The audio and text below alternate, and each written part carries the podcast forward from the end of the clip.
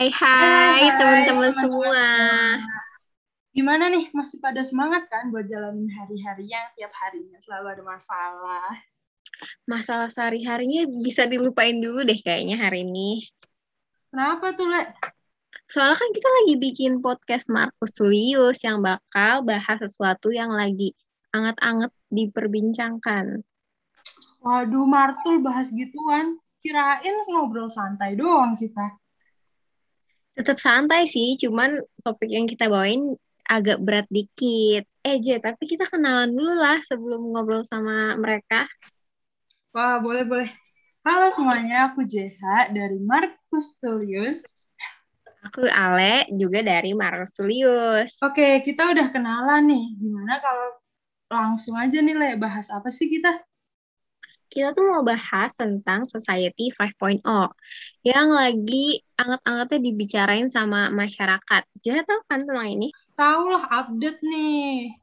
Itu tuh uh, harus banget gak sih diperbincangkan sama kita-kita Gen Z? Sebelum bahas, kita kenalin dulu kali ya anak-anak Martul. Oke, aku kenalin. Anak Markus tulis tuh ada Sharon, Rindu, Manda, Igin, Fier, Funky, terus siapa lagi, Je? Nih, ada Najwa, Rigan, Anin, Sofi, Sania, Dia, Seva, sama Tomo. Oke, langsung aja kali ya nanyain tentang Society 5.0 dalam pandangan kak mereka. Mulai dari Manda kali ya. Boleh, Manda. Mana nih, Manda? Halo, um, oke. Jadi sebelum kita bahas tentang 5.0, kita tuh harus tahu awalan 5.0 itu gimana. Nah, era Super Smart Society 5.0 itu dikenalin oleh pemerintah Jepang pada tahun 2019 yang didesain untuk antisipasi gejolak disrupsi akibat revolusi industri 4.0. Secara garis besar sih 5.0 adalah masa di mana teknologi menjadi bagian dari manusia.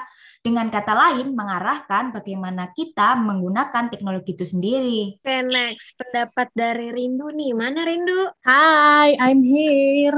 Oke, aku mau ber berpendapat nih ya. Nah, karena Indonesia itu termasuk negara berkembang, berarti secara nggak langsung tuh uh, masih dalam perkembangan gitu nggak sih? Soalnya ya hal-hal itu tuh bikin kayak contohnya nih hal-hal yang masih tertinggal atau kesenjangan-kesenjangan yang terlihat jelas di masyarakat itu jadi hal wajar. Nah, makanya dari Society 5.0 ini emang ditujukan untuk membidik di segala aspek. Contohnya nih ya, dari aspek perekonomian biar lebih meningkat, terus dari aspek pendidikan, terus juga investasi Terus juga mereka itu menstabilkan segala kondisi di Indonesia lah. Jadi emang timeline 5.0 itu menurut aku penting banget sih untuk masa kita sekarang. Emang bukan rindu kalau nggak mengagumkan ya. Opini teman aku ini wow. keren banget loh. Ih, keren nih. Kalau sekarang aku pengen tahu deh, kalau society ini diterapkan dalam bidang pendidikan di Indonesia tuh gimana sih? Iya juga ya, bakal kayak gimana kira-kira ya? Kita tanya Sharon kali ya. Kalau menurut aku tuh ya, Indonesia tuh butuh banget yang namanya pendidikan society 5.0. Kenapa? Ya karena itu salah satu langkah untuk meningkatkan sumber daya manusia di Indonesia biar kita bisa bersaing di ranah internasional. Wih, keren-keren. Tapi gimana tuh cara meningkatin kualitas SDM di Indonesia? Kalau itu tanya dia. Boleh, boleh. Kalau pendapat aku tentang contoh peningkatan kualitas SDM itu dengan meningkatkan kompetensi dan tenaga pendidik dan siswa itu sendiri sih.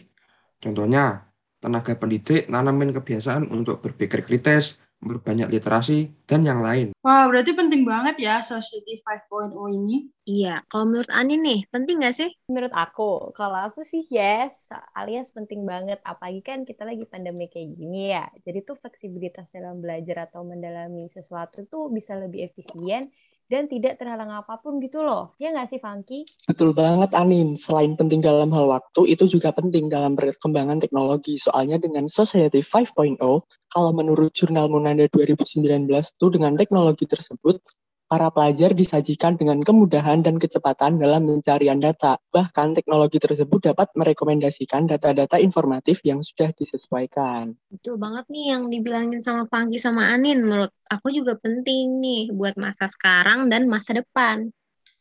Nah, kalau gitu aku pengen tahu deh dampak positif apa aja yang disebabkan dari Society 5.0 ini buat Indonesia.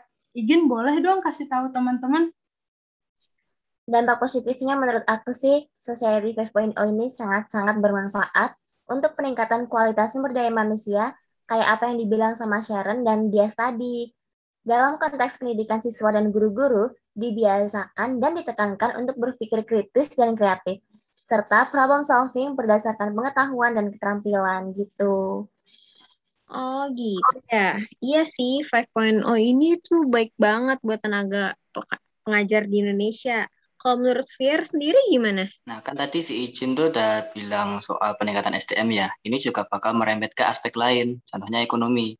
Produktivitas industri di Indonesia jadi lebih meningkat, dan masyarakat jadi banyak yang membuka lapangan pekerjaan. Nah, di lapangan pekerjaan sendiri tingkat persaingannya juga bakal tinggi. Nah, pada akhirnya kalau kita lihat efek yang jauh ke depan, pertumbuhan ekonomi Indonesia itu bakal meningkat juga. Wah, gila. Positif banget ya teman-teman kita menanggapi Society 5.0 ini. Iya nih, aku juga setuju-setuju banget sama opini mereka. Nah, tadi kan udah tuh positif banyak banget. Sekarang kalau penghambat, ada nggak ya? Aku dong mau beropini. Menurut aku sih penghambatnya tuh pola pikir masyarakat yang beranggapan bahwa itu hal itu mustahil untuk dilakukan. Ya, betul sekali. Aku setuju sama Sania. Hal itu bukan tidak bisa dilakukan, apalagi kita lagi masa pandemi seperti sekarang ini. Betul tidak, Rigen? Ya, betul banget, guys. Apalagi sarana-prasarana yang disediakan di Indonesia tuh masih kurang. Jadi ya mau nggak mau harus dilakukan demi peningkatan dan perkembangan di Indonesia. Oke, oke. Aku juga setuju. Oke, berarti masih kurang banget nih ya sarana prasarana di Indonesia. Terus nih, kira-kira kalau kalian bisa ngasih saran untuk pemerintah, saran kalian apa sih untuk ngatasin hambatan tersebut? Coba sekarang kita tanya Najwa deh. Mana nih Najwa? Oke, oke, oke. Coba aku jawab ya. Nah, jadi kalau menurut aku tuh pemerintah harus punya plan gitu loh ke depannya uh, agar bisa menyiapkan anggaran untuk Society 5.0 ini, khususnya pada pendidikan di Indonesia. Nah, benar banget sih. Selain itu, uh, bisa juga dengan usulan kepada Pak Mendikbud untuk bekerja sama dengan Kementerian Kominfo dalam hal ini untuk memprioritaskan daerah-daerah terpencil yang belum bisa dijangkau jaringan internet dalam hal uh, pengadaan jaringan internet. Bener banget sih kata Seva dan Najwa. Kalau aku sih bakal saranin ke pemerintah buat ngakuin pemerataan tenaga pendidik, teknologi, dan jaringan ke daerah terpencil, serta meningkatkan kesejahteraan guru dan mengoptimalkan kualitas buku atau media pembelajaran supaya semua pihak dapat merasakan hal yang sama dan tidak mengalami kesenjangan. Wah, keren-keren nih. Semoga ya saran-saran dari teman-teman ini bisa didengar sama pemerintah walaupun nggak mungkin. Berarti kesimpulannya Indonesia tuh bisa banget ya menerapkan Society 5.0 ini di bidang pendidikan. Sebenarnya nggak bidang pendidikan doang loh, Le. Bisa dalam aspek apa pun. Oh iya benar juga. Apalagi kalau mindset masyarakat itu udah mulai terbuka terhadap Society 5.0.